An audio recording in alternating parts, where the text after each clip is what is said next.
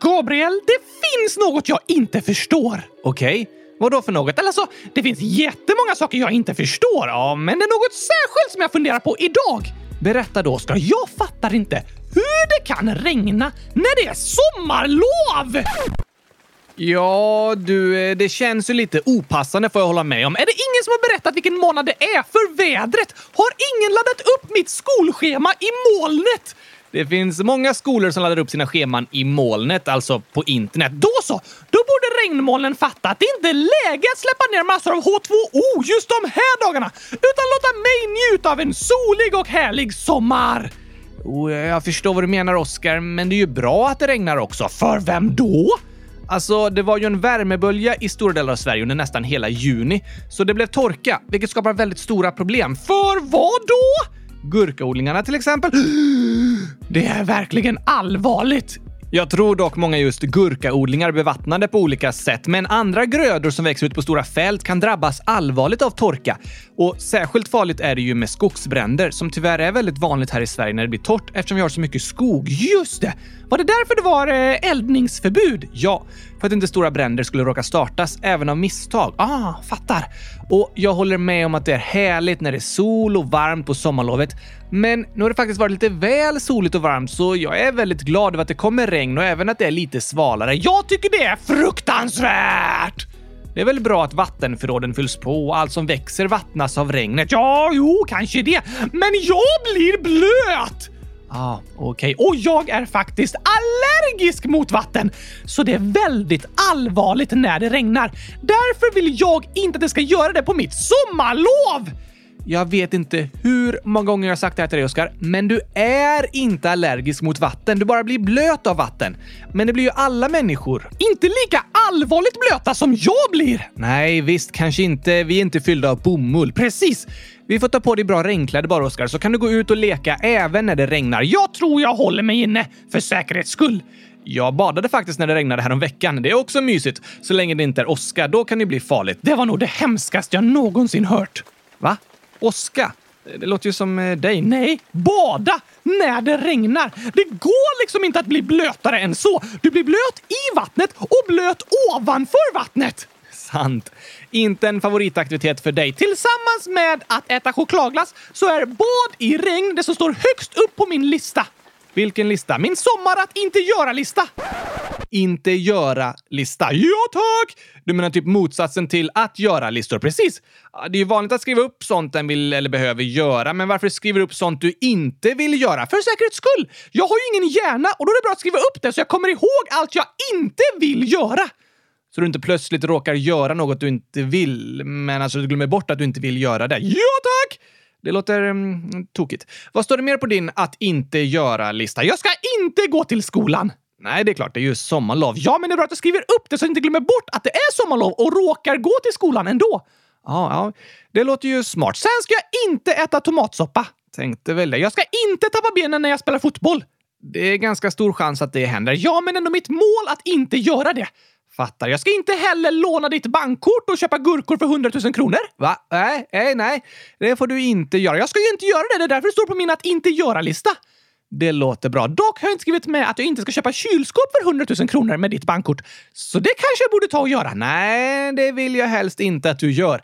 I och för sig så har jag inte så mycket pengar på mitt kort så det är inget du kan råka göra. Jag får beställa på faktura i ditt namn då. Nej, nej. Eh, jag tror det är bäst att jag skriver med här på din att inte göra-lista att du inte ska sno mitt bankkort och köpa saker för 100 000 kronor alls eller någonting i mitt namn. Så du vill att jag ska göra det? Nej. Jag skrev ju upp det på listan. Ja, fast där står saker jag inte ska göra. Det står till exempel att äta chokladglass. Det betyder att jag inte ska äta chokladglass. Just det. Men sen skrev du “inte sno Gabriels bankkort”. Så det betyder att jag inte, inte ska sno ditt bankkort. Alltså ska jag sno ditt bankkort? Nej, nej, nej, nej, nej. Du ska inte göra det. Men skriv då att jag ska göra det på min att inte göra-lista. Nu blir det rörigt här. Jag ska alltså skriva “sno Gabriels bankkort”. Ja tack! Men det vill jag ju inte. Nej, det är därför du skriver det på min att inte göra-lista. Okej, jag drar ett streck över det andra jag skrev då och så skriver här... Eh, nej, men det blir nog fullt på den sidan. Jag fortsätter på baksidan. Köpa saker för 100 000 kronor med Gabriels bankkort eller i hans namn. Nej men vad snällt, Gabriel! Vadå snällt? Att jag får göra det? Då ska jag köpa både kylskåp och gurkaglass. Men jag skrev det på din att inte göra-lista. Nej, du skrev det på baksidan av pappret. Där är min att göra-lista. Nej, nej, då ska jag börja planera mina inköp direkt! Stryk det jag skrev. Det är sånt du inte ska göra. Är det något mer du ska lägga till på min att göra-lista? Du, du, du, får inte ha med det där om att du ska köpa saker i mitt namn, men du, du får gärna ta och städa badrummet. Städa badrummet? Jag? Ja, men vi kan väl hjälpas åt och turas om att städa här hemma. Men jag använder ju inte ens badrummet! Sant. Jag kan varken bajsa eller kissa. Jag duschar aldrig och jag tvättar inte händerna och borstar inte tänderna. Låter lite äckligt. Varför det? Jag har ju inga tänder! Nej, just det. Det var tre år sedan jag ens var inne i badrummet senast. Oj, oj, oj. Eller nej, just det. Två veckor sedan. Två veckor sedan. Jag gick in dit för att fixa ett prank. Vad sa du? Ehm, jag, jag gick fel. Skulle gå in i vardagsrummet, men råkade gå in i badrummet. Gick du fel här hemma? Ja, det är en av konsekvenserna av att inte ha en hjärna. Ah, jag fattar. Tack för att du trodde på den förklaringen och glömde det där med pranket. Va? Äh, jag sa det är därför jag inte tänker skriva upp att städa badrummet på min att göra-lista. Nej, okej, okay, jag förstår vad du menar om du aldrig ens använder det. Men du kan skriva upp att du ska städa ditt rum. Städa kylskåpet menar du? Ja, just det. Det kan jag ta och göra. Det är ju typ hela tiden. Det är du. Men eh, det var fint att höra om dina listor, Oskar. Det är skönt ibland att skriva ner sånt en måste få gjort och sånt en önskar hinna göra och sånt en inte ska göra. Jag har nog aldrig hört talas om en att inte göra-lista tidigare, men det var också en klurifaxig idé, eller hur? Jag ska fundera på om jag också borde skriva en sådan. Men vet du vad som står på min att göra-lista nu? Eh, köpa gurkor till Oskar. Nej. Lägga ut Oskars kylskåpsteckningar till försäljning på Blocket. Inte det heller. Städa Oskars kylskåp! Det sa vi väl att du skulle göra? Nej, jag orkar inte. Så jag skrev det på din lista istället. Ja, men kylskåpet är trots allt ditt rum. Så jag tycker du får ta och städa det. Även om du inte känner för att göra det. Jag känner inte heller för att städa, men det är ändå viktigt att det blir gjort. Varför det?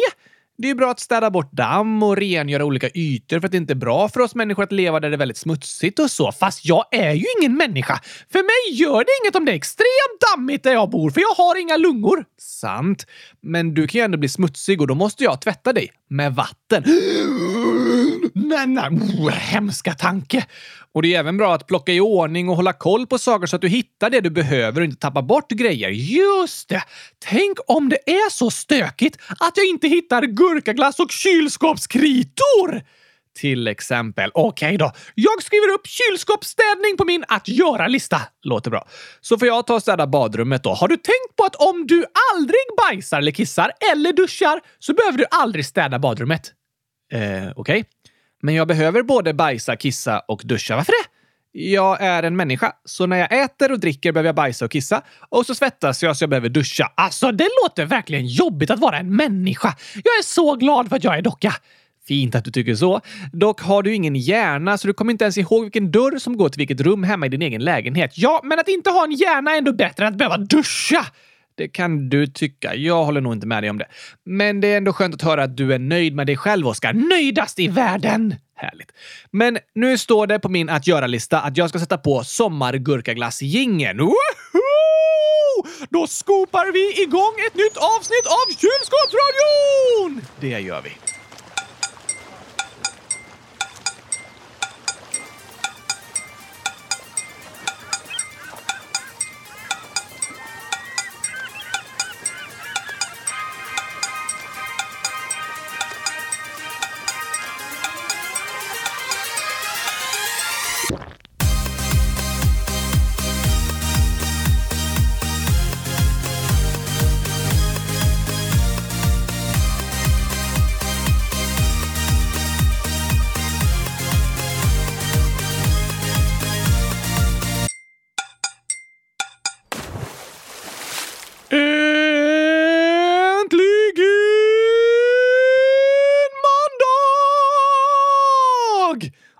Äntligen avsnitt 100 371 av Kylskåpsradion. Ännu ett sommargurkaglassavsnitt!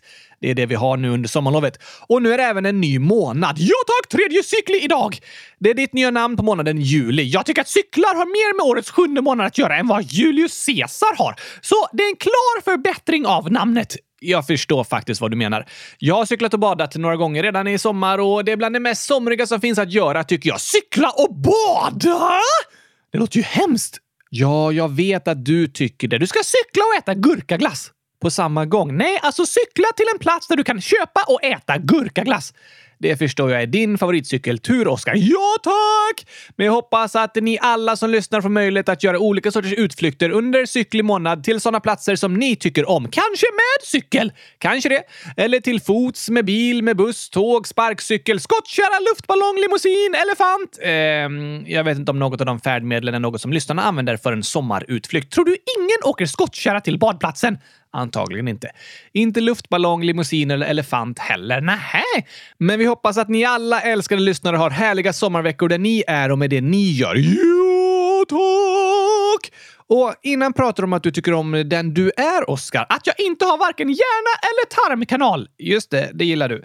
Så du har skrivit en sång om dig själv, att du är bäst. Väldigt vacker text. Det kan du tycka. Men Elsa, 7 år, skriver så här. Jag blir ledsen när Oscar spelar upp den här låten som Oscar är bäst. För då tänker jag att jag är jättedålig som person. Ta med det i podden, snälla, och gråtande emojis. Va? Nej, det är inte sant! Det är verkligen inte sant. Du är ju bästast i testast i hela världen, Elsa! Det tycker jag också. Det gäller dig och alla som lyssnar. Precis. Så nu ska jag sjunga den låten igen, fast med en ny text. Ja, så sätt på musiken, Gabriel! Okej. Okay. Du som lyssnar är bäst, lyssnarna är bäst. Du som lyssnar är bäst. Du som lyssnar är bäst, lyssnarna är bäst. Du som lyssnar är bäst. Ja, tack. Det var fint. En väldigt, väldigt sann text. Och inte lika egocentrisk som den tidigare versionen. Nej, det har du också rätt i. Men alltså, det här var ingen skojig text eller en skämtsam sång, utan jag sjöng det för att det är helt sant. Just det. Du som lyssnar är faktiskt helt bäst i test, så som du är. Ja, så är det. Och det önskar jag att du ska få känna inombords liksom. Det önskar jag också. Och på tal om lyssnarna så har de faktiskt fortsatt skriva förslag på vad vi ska göra i våra sommargurkaglassavsnitt. Woho! Tack så mycket! Först ett tips från Anonym 10 år som skriver om man har tråkigt under sommarlovet kan man lyssna på kylskåpsradion. PS. Ni är bäst.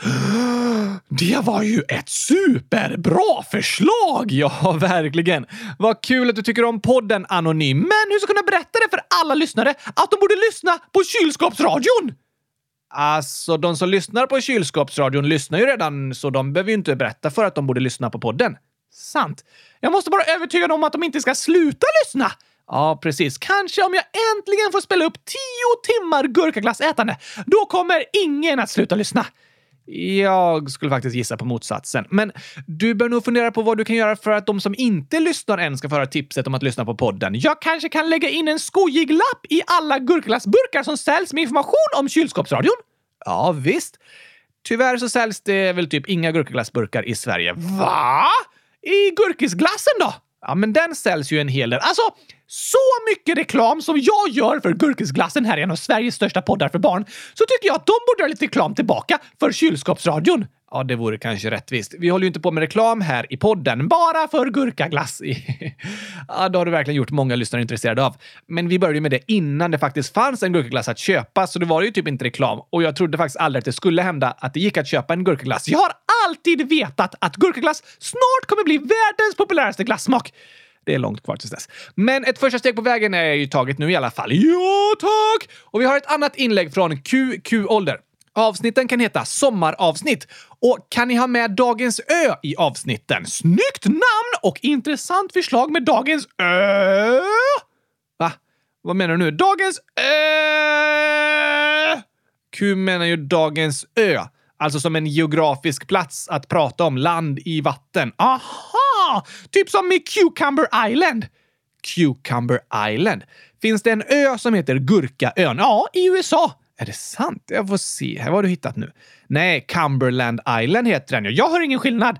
Cumberland är inte Cucumber. Den heter inte Gurkaön. Öland borde byta namn till Gurkaön, för den ser ut som en gurka. Ja, det är ju en avlång ö. Det är det många öar som är, så de kan väl anses likna gurkor. Ja tack! Jag ska kalla Öland för Gurkaön från och med idag. Gör du så, Oskar? Men på tal om gurkaöar så läste jag om en ö med väldigt unika gurkaträd. Gurkaträd? Japp, jag tror inte det fanns! Nej, det är inte träd som det växer gurkor på, i alla fall inte sådana gurkor som vi brukar äta. Men det är träd som ingår i gurkaplantfamiljen liksom, Cucurbitaceae. Är det gurka? Familjen! Yes, där ingår 965 olika växtarter, bland annat pumpor, squash, zucchini och så vidare. Aha! Och det här gurkaträdet som heter Dendrocysios växer på ön Socotra i Jemen. Jemen? Ja, det är ett land som ligger längst söderut på den arabiska halvön. Bredvid Saudiarabien? Precis. Den arabiska halvön, som är en väldigt stor halvö, ligger liksom mellan Afrika och Asien och större delen av halvön är täckt av landet Saudiarabien. Sen ligger även Jemen, Oman, Förenade Arabemiraten, Qatar och Kuwait där samt öriket Bahrain ligger precis utanför. Finns det mycket olja på den halvön? Absolut. Det är länder som är kända för att ha blivit väldigt rika på grund av naturresurser, särskilt olja. Men längst ner på arabiska halvön ligger som sagt landet Jemen. Och vi har faktiskt lyssnare som har bett oss prata om det landet. Okej? Okay? Algot, 9 år, skriver “Kan ni prata om kriget i Jemen?” Är det krig där? Ja. Där har det varit ett fruktansvärt hemskt inbördeskrig sedan år 2014. Oj då! Men det är inte bara strider mellan olika grupperingar och religionstillhörigheter inom landet, utan många grannländer är involverade i konflikten, bland annat en koalition ledd av Saudiarabien. Och det har begåtts många krigsbrott och miljontals civila är drabbade i konflikten, vilket gjort att FN kallat det för världens största humanitära kris. Humanitära? Att något är humanitärt handlar liksom om att det har med människor att göra. Ah, som med människa på engelska. Human! Precis, det hör ihop de orden. Så om det är en humanitär kris så handlar det om att människor är i fara och svälter på grund av krig eller naturkatastrofer. Okej! Okay. Och i Jemen beräknas det att 80 procent av hela befolkningen har svårt att få fram tillräckligt med mat och lever i en stor utsatthet. Det är över 20 miljoner människor. Oj då! Det går inte att jämföra allvaret på olika humanitära kriser och det finns ingen anledning till att jämföra heller. För alla människor som lever i utsatthet och svält på grund av krig och naturkatastrofer måste bli hörda och få hjälp. Ja tack! Men det som är speciellt med krisen i Jemen är att det är en otroligt stor och fruktansvärd krissituation utan att omvärlden pratar särskilt mycket om den. Ibland kallas det för en bortglömd kris. Det har du rätt i. Så tack för ditt inlägg Algot. Jag tycker vi får återkomma och prata mer om kriget i Jemen i andra avsnitt. Men vad var det för ö du pratade om? Just det. Det var ju så vi kom in på det idag. För långt utanför Jemens kust, faktiskt närmare Somalia än fastlandet i Jemen, så ligger en ö som heter Socotra. Är den stor? Den är väldigt lik Gotland, både i storlek och folkmängd. Det bor cirka 60 000 invånare där. Okej, är det krig där också? Konflikten i landet påverkar även ön, eller snarare ögruppen Socotra, och det har ändrats vilka som styr över den på grund av inbördeskriget. Aha! Så även om öarna länge har varit en fredlig plats så har det ändrade styret gjort att befolkningen har splittrats i sitt stöd och de har dragits mer och mer in i konflikten. Oj då! Det är en ögrupp med fyra öar där Socotra är den största och på grund av att det är öar som ligger långt ifrån land åt alla håll så finns det massor av växtarter där som inte finns någon annanstans på jorden. Va?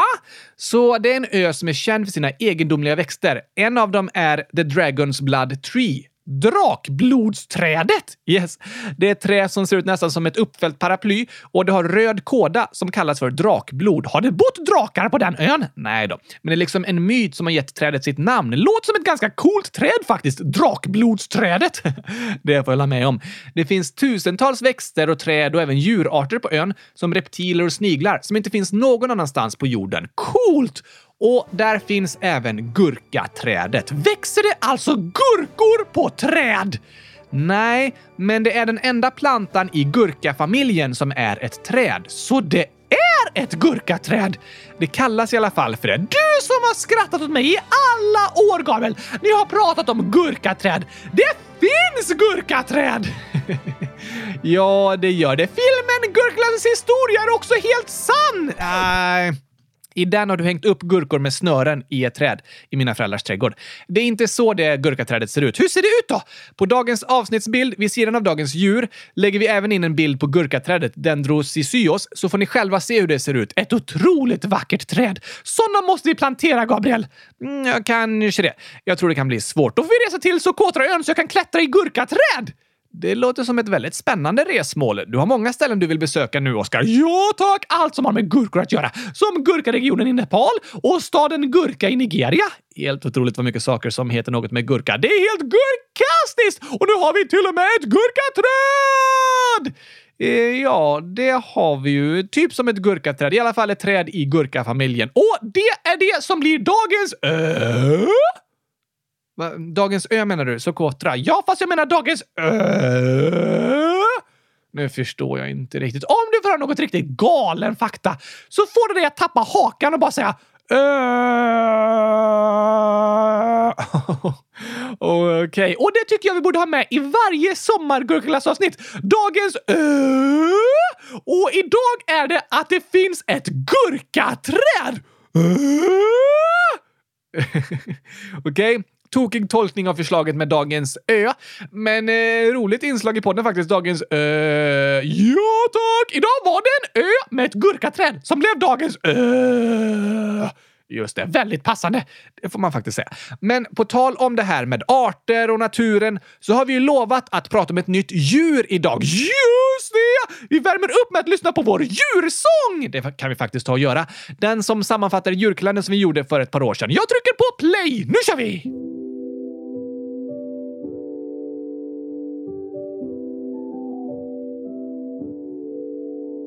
I slutet av ett år som skapat kaos och sår kom 24 dagar där vi följde naturens lagar. Om djur från världens alla länder handlar djurkalendern fylld med fakta och kul. Ända fram till jul, det var dag ett om en duva som kriget sett. Och sen kom dag två om jakar som i Himalaya går Dag tre om snöleoparder på TV. Dag fyra om kaniner som är dyra. Mm, och dag fem om lejon i ett oväntat hem. Sen var det dag sex om koalor som väcks. Dag sju om vargar som gillar AU. Dag åtta om ekorrar som kottar spottar. Och dag nio om hundar som går att se på bio bara från Artisillerion.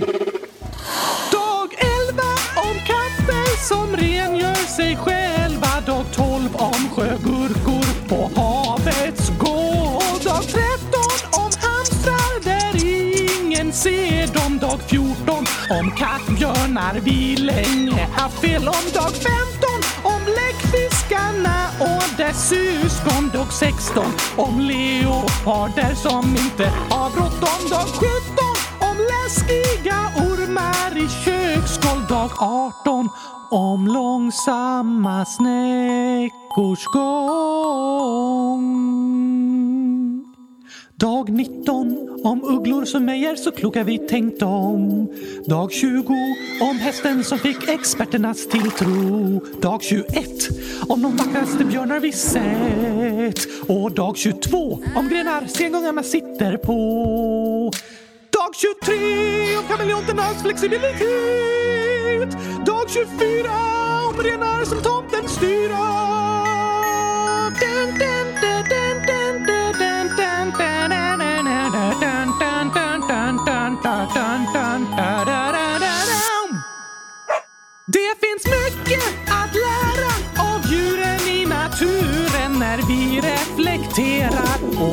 Är signaturen till vår djurkalender. Från stränder till gränder vi utforskar världen omkring oss och släpper loss. Vi skrattar och dansar. Önskar vi hade svansar som kudde och halsduk. Nog är man lite avundsjuk på klurifaxiga djur som kan ta sig en flygtur. Men vi förundras tillsammans över vår natur.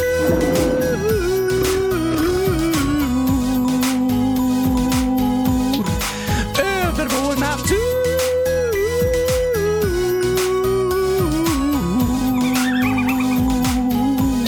Och vi har också kul.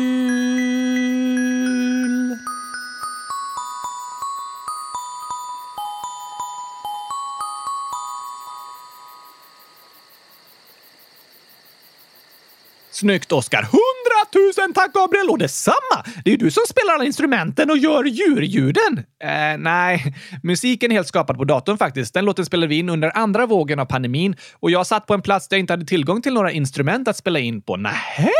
Men det var snyggt spelat på dator och tangentbordet. Tack, tack. Och djurljuden hittade jag online. Så du reste inte runt i världen och spelade in de olika djuren? Nej, det gjorde jag inte. Just det, för det var pandemi. Ja, även om det inte hade varit pandemi så tror jag att jag hade googlat fram djurljuden och jag hade inte gjort dem själva med min egen röst eller så. Fusk! Mm, ja, kanske det. Men ditt ljud gjorde jag ju själv. Ditt ljud? Ja, din röst. Det är väl min röst? Ja, men det är jag som gör den. Ja, just det. Men nu är det dags att äntligen prata om dagens djur. Woho! Det är många som har längtat. Ja, och det är många som har längtat att vi ska prata om just det här djuret. Vilket är det då? Vi berättade några ledtrådar i torsdags och här har vi fått in massor av gissningar. Läs upp dem! Ellie, 9 år, skriver “Jag tror det är kapibara”. RR skriver “kapibara” eller hur det nu stavas. Gurkan spelar 100 000 skriver “Jag tror det är kapibara på måndag”. PS Gabriel håll för Oskar Körund. Kan du färga choklad grönt och på något sätt göra den i gurkaform? Vad sa du? Eh, jag höll för dina öron. Jaha, så jag hörde ingenting. Nej, du hörde ingenting. Glöm det. Selma Semla 100 000 Gurkenium. Så fort ni sa att djuret var världens största gnagare var jag helt säker på att det var en kapybara. Och jag tycker att Gurkenium skulle vara ett bra ord för Oscar, för det är som decennium, men med gurkor. Bra idé! Verkligen. Vi kan säga att du är ett Gurkenium år gammal, Oscar. Ja, tack! Det stämmer ungefär. Yes. Eh, namn? Jag vet. Ålder? Rätta svaret på djuret. Skriver Hej! Djuret är kapibara. Jag såg det för några veckor sedan på ett zoo i Danmark. Va?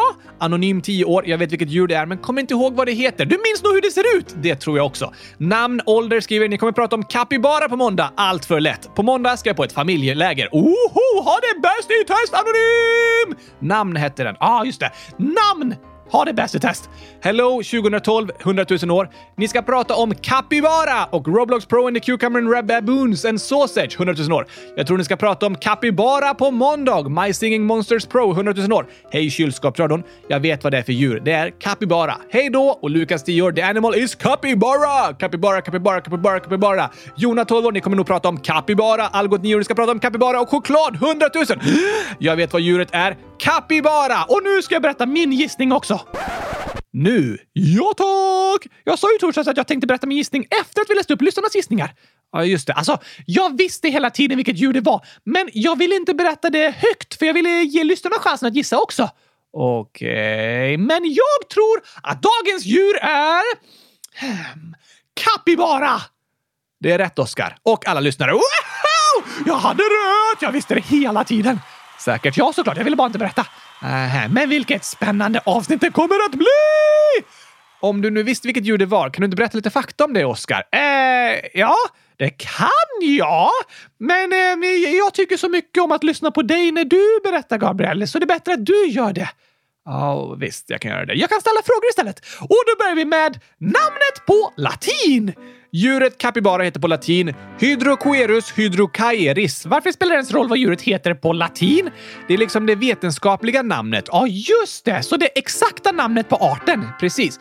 Ibland kan ju djur heta ungefär samma saker på olika språk eller det är flera olika arter som kallas för samma namn. Men det kan vara oklart vilket djur eller vilken art du egentligen menar när du säger det namnet. Så varje art har ett exakt vetenskapligt namn som är på latin. Och just djuret capybara var Carl von Linné, den svenska botanikern, med och namngav. Men det finns väl inte capybara bevaras i Sverige? Nej, men Linné var den vetenskapsman som liksom grundade det moderna systemet för hur växter och djur namnges.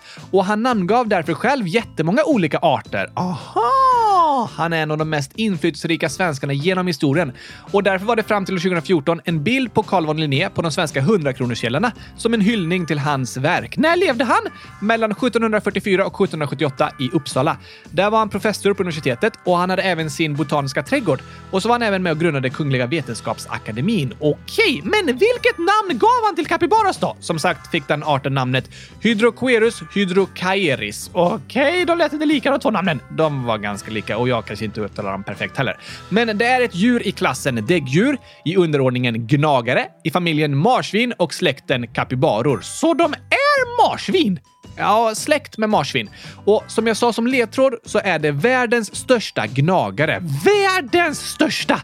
Alltså, de flesta andra gnagarna är ju inte så stora. Nej, det har du rätt i. Inte marsvin. Nej, de är små. Bävrar är ju ganska stora, men capybaras är ganska mycket större än dem. Hur stor är en capybara då? Den kan bli upp till 130 cm lång och 60 cm hög vid skuldran. Lika hög som jag är! Ja, ungefär ja. Fast du kan ju inte stå själv så du sjunker liksom ihop om jag släpper dig. Sant. Honorna är lite större än hanarna, så de har en genomsnittlig vikt på 61 kilo, medan hanarna väger i genomsnitt 50 kilo. Hur mycket vägde den största kapibaran? Rekordet är 91 kilo för en hona från Brasilien och 73,5 kilo för en hane från Uruguay. Åh, oj, oj, oj. De var stora. Absolut. Men Brasilien och Uruguay, det är två länder i Sydamerika. Precis. I det vilda så bor kapibaras i Sydamerika, öster om Anderna. Den höga bergskedjan? Ja, och de bor inte så långt söderut i Sydamerika heller. Inte längre ner än norra Argentina. Så inte i syd och väst, men andra delar av Sydamerika. Ja, precis. Men sen finns det även en annan underart av kapibaras som bor i nordvästra Sydamerika, runt Panama. Det är ju där Sydamerika liksom sitter ihop med Centralamerika. Är det ett annat djur? Ja, den kallas Hydrocoerus isthmius och kallas oftast också för kapibara. Men det finns två olika arter av capybaras. Länge klassades de som samma art, men nu är Hydrocoerus isthmius godkänd som en egen art. Då blev den nog lycklig. Nej, jag tror inte att djuren själva bryr sig det minsta om oss människors formella klassificeringar av dem. Nej, sant. Men hur ser kapibaras ut? De har en stor och robust kropp med korta extremiter. Vänta, vänta, vänta, vänta! Nu pratar du vetenskapska igen, Gabriel, bara för att det ska låta komplicerat och invecklat. Förklara så att folk faktiskt fattar någonting! Okej, okay. extremiter är en utskjutande kroppsdel, alltså något som sticker ut, som armar och ben. Ja, men varför sa du inte det då? Stor kropp med korta ben. Eh, ja, det skulle jag kanske sagt istället. Honor och hanar är väldigt lika, men nosen är längre på hanarna. Det är för att de ska kunna lukta sig till gurkaglass. Den faktan har jag inte hittat någonstans. På de främre fötterna har de fyra tår och tre tår på bakfötterna för att de råkade äta upp en tå på bakfoten för att den såg ut som en gurka. Den faktan hittar jag inte heller någonstans. Jag bara kompletterar det du säger så lyssnarna får lära sig så mycket som möjligt. Ja, men jag försöker berätta fakta här och så kommer du med massa påhitt och rena lögner. Lögner? Hur vet du att en kapibara inte har råkat äta upp en tå för att den såg ut som en gurka? Det kan väl kanske ha hänt. Men det är inte därför alla kapibaras bara har tre tår på bakfötterna. Nej, men tårna liknar hovar och mellan dem finns lite simhud. Va? Kan de simma? Ja då. Och simhuden på fötterna hjälper dem att simma. Coolt! Om du kollar på deras huvud så sitter ju öronen, ögonen och näsborrarna väldigt högt upp på huvudet. Det har du rätt i! Därför kan de ligga i vattnet och bara sticka upp med toppen av huvudet ovanför ytan. Men ändå ha ögon, öron och näsborrar över ytan. Precis. Vad smart! Om ni kollar på bilder på kapibaras så ser ni att det är många av dem som ligger i vattnet på det sättet. Blir de inte blöta då? Jo, det är klart. Tycker de om det? Uppenbarligen. Kapybaras brukar hålla sig i vattnet under de varmaste timmarna på dagarna. Aha! För att svalka sig? Ja, precis. Det kan bli väldigt varmt i Amazonas. Otroligt varmt och en kapibara söker ofta skydd i vatten när den känner sig hotad. Okej, typ om ett rovdjur på land jagar den så springer den ner i vattnet. Ja, till exempel. Det låter som en smart strategi. Och de kan till och med dyka ner under vattenytan i fem minuter. Oj då! Men även när de simmar kan de vara svåra att upptäcka i vatten för de bara sticker upp ögonen och nosen spets ovanför vattenytan. Just det! Så den gömmer sig i vattnet på det sättet? Ja, precis. När en kapybara är hotad kan den simma ut på djupt vatten. Annars så håller den sig mest i grunt vatten som olika pölar eller på land. Gräver de bon? Nej, på natten sover de gömda bland buskar och i tät vegetation. Okej. Okay. Och de är mest aktiva i gryningen och under skymningen. Så de sover i buskarna på natten, är aktiva på morgonen, svalkar sig i vattnet på dagen och är aktiva igen på kvällen innan de går och lägger sig i buskarna igen. Ungefär så kan en dag se ut för en kapybara. Lever de ensamma? Nej, de lever tillsammans i grupper. Ibland kan det vara ett par med deras ungar som lever tillsammans. En kapybara-familj! Precis. Men det där ändras under olika delar av året. Under regnperioden så sprider de ut sig över ett bredare område och då lever de i mindre grupper. Det är under den tiden de äter mycket och samlar på sig en reserv av fett. Har de inte lika mycket att äta under torrperioden? Nej, då finns inte lika mycket mat tillgängligt. Så då samlas många kapibaras runt stora vattendrag och sjöar som inte torkar ut för att de vill vara nära vatten. På grund av att växtligheten minskar när det torkar så blir de också ett lättare byte för rovdjur, för det finns inte lika många stora buskar att gömma sig i. Till exempel inte. Det är även många kapibarer som dör av svält och sjukdomar under torrperioden. Oj då! Vad äter de för något? Capybaras äter huvudsakligen gräs som de hittar på land och ibland äter de även vattenväxter. Aha, så de är växtätare? Det är de. De betar gräs på liknande sätt som hästar och kor betar gräs. Hur gamla blir de? De blir i naturen upp till ungefär åtta år gamla, sällan upp till tio år. Så ganska gamla för att vara djur, men inte så gamla. Nej, lite mitt emellan. Men det ser ut som de har päls. Ja, över större delen av kroppen är kapybarans päls lång och grov, men på vissa ställen kan den vara så gles att huden blir synlig. Hårens längd på pälsen varierar mellan 3 och 12 cm långa hårstrån. De ser lite gosiga ut. Det håller jag med om. Hur låter en kapybara? Så här. Varning för djurljud! Just det.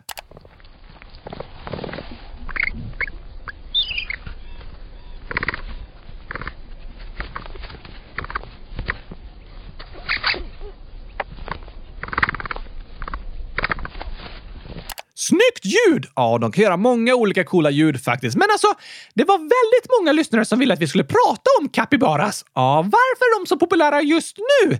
Det är det många som frågar sig. Det har ju blivit typ ett viralt djur på internet, särskilt i många TikTok-videos. Lägger capybaras upp skojiga videos på TikTok? Alltså djuren lägger inte själva upp filmer på sig, men det är många människor som lägger upp filmer på capybaras som blir väldigt populära. Aha, så det har blivit viralt. Men i grunden så tror jag det beror på att det är ett tidigare ganska okänt djur som har blivit populärt för att de ser coola och mysiga ut. De är lätta att älska. Precis. Många påpekar även att de tycker om kapybaras personligheter. Jag tänker att det kanske kan höra ihop med att de ser ut som en kombination av populära husdjur. Vad menar du? De är ju gnagare, men så är de stora som hundar och interagerar med människor mer likt hundar, fast de inte ser ut alls som hundar. Just det! Och på grund av deras internetpopularitet så har det även skrivits populära sånger om dem, särskilt Capybaras sång. Capybara, capybara, capybara, capybara, capybara, capybara, capybara, capybara, capybara, capybara, capybara, capybara, capybara, capybara, capybara, capybara, capybara, capybara, capybara, Capybara! capybara, capybara, capybara, capybara, capybara, Capybara! capybara, capybara, capybara, capybara, capybara, Capybara! capybara, capybara, capybara, capybara, capybara. ja, de sjunger Capybara om och om och om igen i den sången. Fin text! Ja, ungefär som när du sjunger om gurkaglass. Påminner lite om varandra innehållsmässigt faktiskt. Det gör de. Är capybaras en hotad art? Nej, artens överlevnad räknas som stabil. Vad skönt att höra! Men på vissa platser så har den lokala capybarapopulationen jagats och till och med utplanats av människor. Nej, historiskt sett är jaguarer och pumor capybaras största naturliga fiender. Är det rovdjur som jagar capybaras? Ja, men det finns inte så många jaguarer och pumor kvar, så de är inte längre ett stort hot mot capybaras. Nej, så ett av deras största hot är att de själva äter upp all vegetation och inte har mat kvar. Oj då! Sen så kan ungarna bli offer för rovfåglar eller ormar, så det är farligare för små kapybaras än för vuxna. Generellt ja. Men även vuxna kapibaras kan bli fångade och uppätna av anakondas. Va? Det är ovanligt, men det finns bilder och filmer på det. Det är otroligt hur en anakonda, alltså en av världens största ormar, kan trycka i sig en stor kapibara. Det är galet! Men det är ändå människor som är största hotet för kapibaras, så de är både älskade och jagade av människor på samma gång.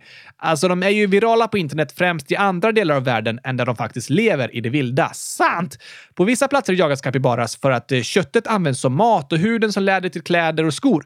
Ibland tar sig capybaras in på jordbruksmarker också och äter grödorna som odlas, så då kan de jagas även av den anledningen. Okej? Okay? I vissa områden av Sydamerika så gynnas kapybaran på grund av att det är områden som anpassas för betesdjur och då växer capybarapopulationerna. Men på andra platser, särskilt i norra Sydamerika där de jagas för kött, där har populationerna minskat. Men vad betyder ens kapybara? Kapybara, kapybara, kapybara, kapybara, kapybara, kapybara, kapybara, kapybara, kapybara capybara, capybara, capybara. Ja, alltså det namnet kommer från ordet capiva, som är ett ord på det inhemska sydamerikanska språket guarani. Det betyder gräsets härskare. Gräsets härskare! Snyggt namn! Jag vill veta vad gurkans härskare heter på språket guarani och så ska jag börja kalla mig för det? Jag vet inte om jag kan lyckas ta reda på det på något sätt. På gurkaspråket då? Okej, okay. vi kollar nepalesiska på Google Translate här. Ska vi se. Jag tror det uttalas ungefär Kakuni Kusaso. Kakuni Kusaso! Gurkans härskare! Passande namn på dig. Och gräsets härskare är ett passande namn för en kapibara. Kapibara! Kapibara! Kapibara, kapibara, kapibara, kapibara, kapibara, kapibara! Kapibara, kapibara, kapibara, kapibara, kapibara, kapibara, kapibara, kapibara, kapibara, kapibara. Du kan sjunga den för alltid, Oskar. Ja, det är en riktigt god sång faktiskt. Det håller jag med om. Men har djuret fått det namnet för att det äter gräs? Ja, precis. Men eh, har olika namn i olika länder i Sydamerika och på svenska så brukar de kallas vattensvin. Men det är ett lite förvirrande namn eftersom de inte är släkt med svindjur. Nej, just det! Men de ser ut lite som svin och så lever de mycket i vatten. Det är nog det som har gjort att de fått det namnet, ja. Och även det latinska namnet hydrocoerus är en kombination av orden hydro, som betyder vatten, och coerus, som betyder svin. Men idag använder de flesta namnet capybara även på svenska, inspirerat från engelskan, fast med K istället för C. Okej, okay, capybara, capybara! Capybara, capybara, capybara. Jag fattar. Har du några avslutande fun facts om capybaras? Capybaras! Capybara, capybara, capybara. Ja, visst. De är ju väldigt duktiga på att simma och kan till och med somna i vattnet. Va? Låter skönt en varm dag i Amazonas, eller hur? Men för oss människor är det ju farligt att somna i vattnet, verkligen. Men även om de är så duktiga simmare så betyder det inte att de är osmidiga och klumpiga på land. De kan faktiskt springa snabbt som en häst i upp till 35 kilometer i timmen. Wow! Det är väldigt imponerande. Och något skojigt är att andra djur använder capybaras att sitta på utan att de säger ifrån. Va? Det är vanligt att fåglar sitter på ryggen på kapybaras, men även apor, kaniner och andra Kapybaras kan få skjuts på ryggen av capybara eller bara sitta där och chilla lite tillsammans. Som en levande fåtölj! Det kan de nästan kallas. Låter som ett snällt djur! Eller hur? Och det tror jag också är en grund för deras popularitet. De här mysiga bilderna på massor av djur som chillar tillsammans med en kapybara. Ja tack! Andra djur är ju inte rädda för dem eftersom de är växtätare. Precis. Men de äter inte bara växter, de äter även bajs. Vad sa du?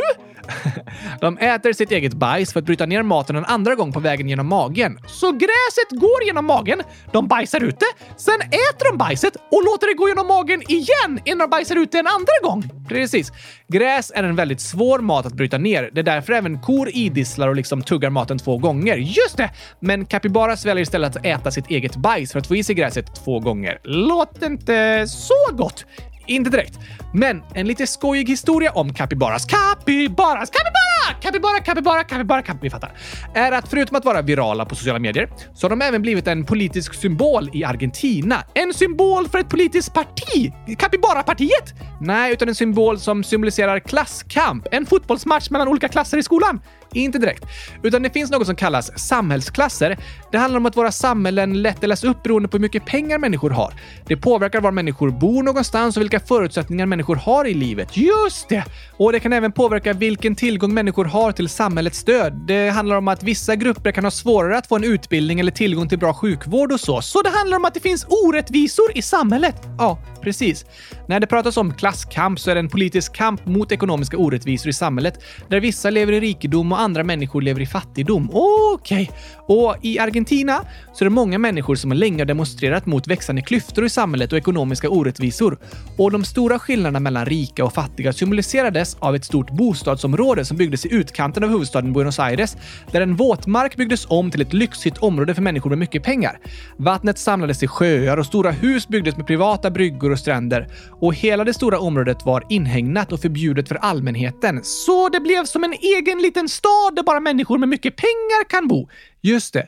Och det är många politiker och invånare i Argentina som har demonstrerat mot att samhället delas upp mer och mer mellan rika och fattiga och demonstrerat mot ekonomiska orättvisor där vissa har mycket pengar medan andra svälter. Men eftersom det var tidigare träskmark som byggdes om till ett lyxområde så började det området invaderas av kapybaras. Va?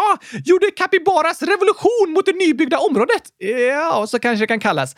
De började äta upp de välgjorda gräsmattorna och blockerade vägarna i området. Det var inte så trevligt för de som bodde där, men många andra i Argentina hejade på djuren och därefter så har de blivit en politisk symbol i Argentina för klasskamp och kritik mot ekonomiska orättvisor och stora skillnader mellan rika och fattiga. Aha! Capybaras! Capybara! Capybara, capybara, capybara, capybara. De har även blivit en symbol för kampen för att skydda miljön eftersom det där nya bostadsområdet byggdes på mark där många capybaras bodde och liksom förstörde deras hem. Det har du rätt i. Så capybaras är involverade lite både här och där. De är virala på TikTok och sociala medier samtidigt som de är vänsterrevolutionärer i Argentina. Eh, typ så ja. Ett väldigt speciellt, tokigt och coolt djur. Ja tack! kapybara, kapybara, kapybara, kapybara, kapybara, kapybara, kapybara, kapybara, kapybara, kapybara, kapybara, kapybara. Sa du ja tack bara? det sa. Ja tack bara, tack bara, kapybara, kapybara, kapybara, kapybara, eh, den där sången börjar gå mig lite på nerverna nu. Hoppas ni alla lyssnare tyckte om avsnittet i alla fall och fick lära er något nytt. Det hoppas vi. Men finns något särskilt skämt om capybaras? Kanske det. Vi tar och kollar.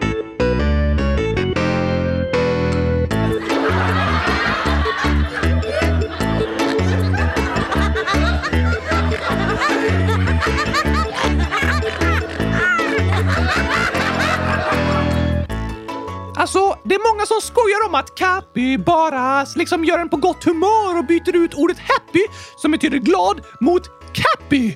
Ah, smart. Om du fyller år kan jag därför säga Happy birthday! En kapibara bra födelsedag. En kapibra bra dag! En kapibra. Det var också ett fint ord. Och på nyårsafton kan jag säga Happy New Year! Just det. Ha ett kapibra bra nytt år! Och om ni lyssnare har fler Cappy bra skämt så skriv dem till oss. Gör gärna det. Om kapibaras. Men vi kan ta något skämt ur frågelådan också tycker jag idag. Yes! Vi pratar om att capybaras Capybaras! äter sitt eget bajs och Selina Gurkan, 7 år, skriver så här. Ett skämt. Varför gick bajskorven till polisen? Oh, det där känner jag igen. Det finns en väldigt tokig anledning. Vad skulle bajskorven göra på polisstationen egentligen? Det är frågan. Hmm, den ville klaga på att den blivit inlåst på en toalett. Ja, den kan ju bli inlåst. Och nedspolad. Det också. Är det olagligt att spola ner en person i en toalett? Ja, alltså, det är ju inte tillåtet, såklart inte. Det skulle nog någon kunna dömas för om den har gjort. Då måste bajskorvar göra många polisanmälningar.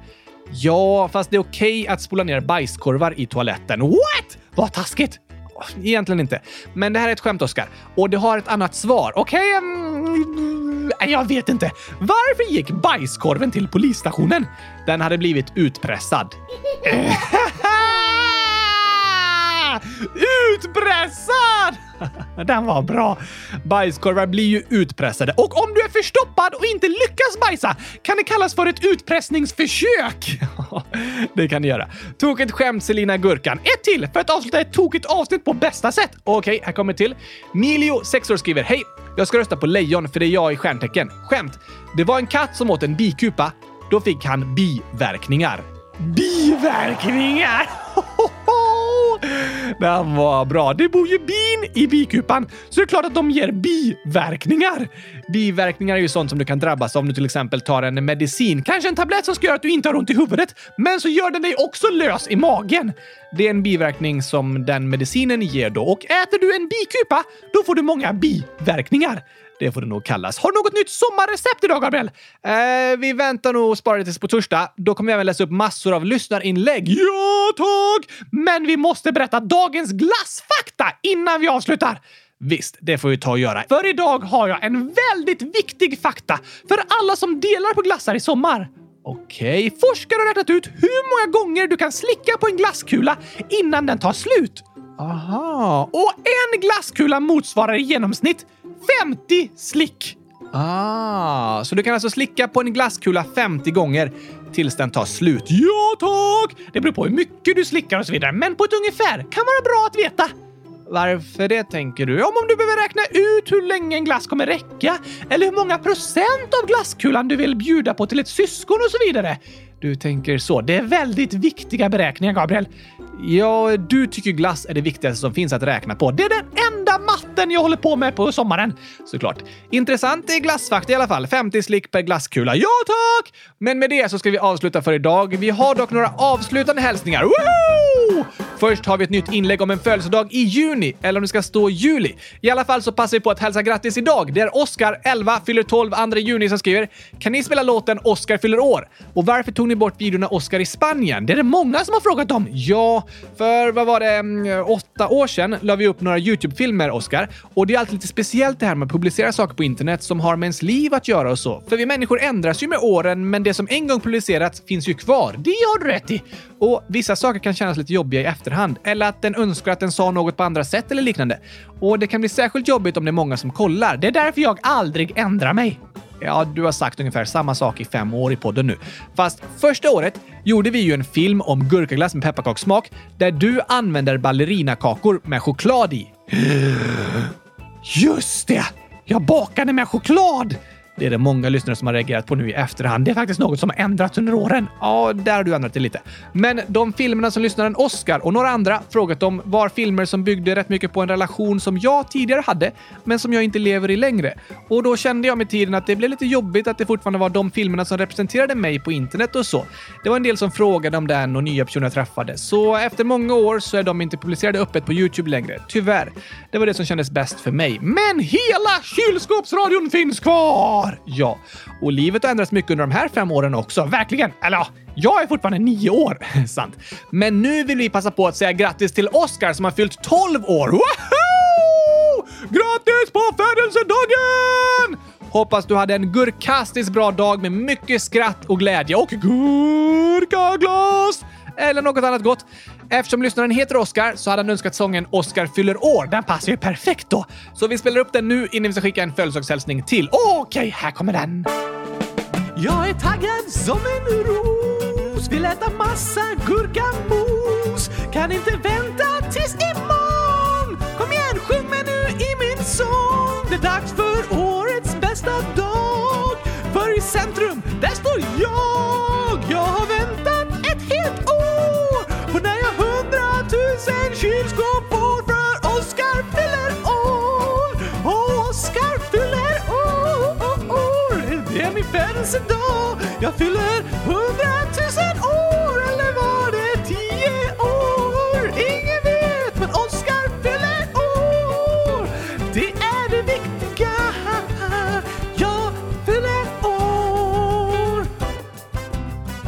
Grattis Oscar!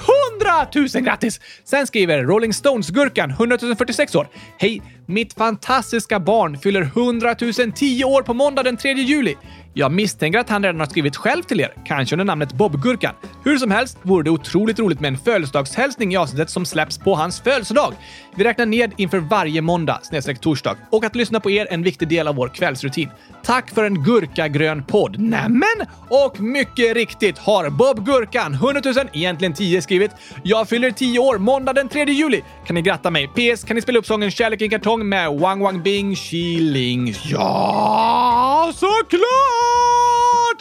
Då får vi hälsa grattis från oss i Kylskåpsradion och från Rolling Stones-gurkan på din födelsedag, Bob-gurkan! 10 år! Det är gurkastiskt fint att fylla.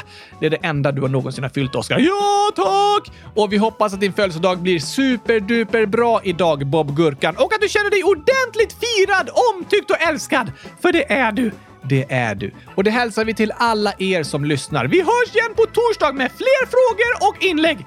Det blir det då i ännu ett sommargurkaglass-avsnitt. Det blev långt idag. Ja, vi hade så mycket skojigt och intressant att berätta. Just det! Då säger vi tack och hej, en kapibara som käkar gurkapastej. Så avslutar vi med den kinesiska versionen av Kärlek i en kartong. Ha det bäst i test! Hej då! Hälsar kapibara, kapibara, Capybara, capybara, capybara, capybara, capybara, capybara, capybara, capybara, capybara, bara, capybara, bara, bara, bara, capybara, capybara, capybara, bara, bara, capybara. Det blir bara capybara nu i slutet. Jo tack, men här kommer även den kinesiska Kärlek i en kartong från en capybara. och Gabriel. Är du en capybara? Ja, idag är jag bara en capybara. Okej. Okay. Hej då. Hej då från en capybara. Capybara!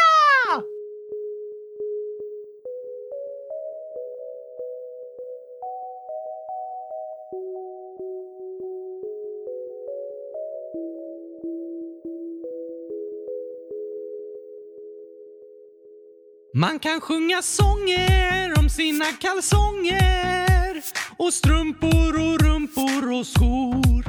Det finns sånger som handlar om balkonger och sådant som hänt där man bor. Några sjunger sånger och firar med ballonger när någon har åldrats ett år. Andra sjunger sånger typ hundratusen gånger där de på läktaren står det finns en sång, fantastisk och lång som handlar om kärlek i en kartong. Om Huanghua Guabin Chilin. Gul melon isdusch. Huanghua Guabin Chilin. Gul melon i dusch.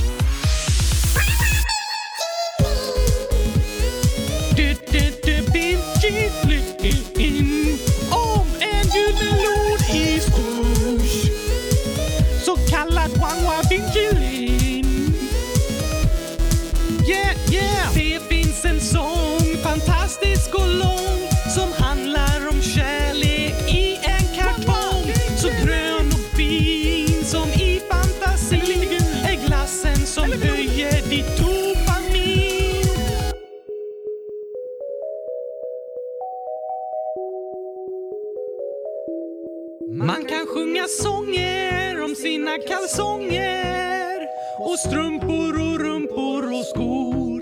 Det finns sånger som handlar om balkonger och sådant som hänt där man bor. Några sjunger sånger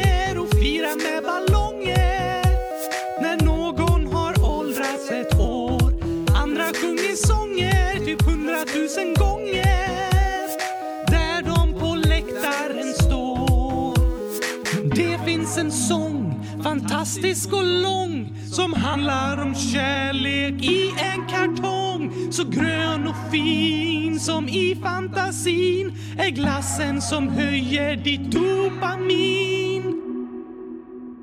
Om wang bin chilin. Om gul melon i snö. Wang bin chilin.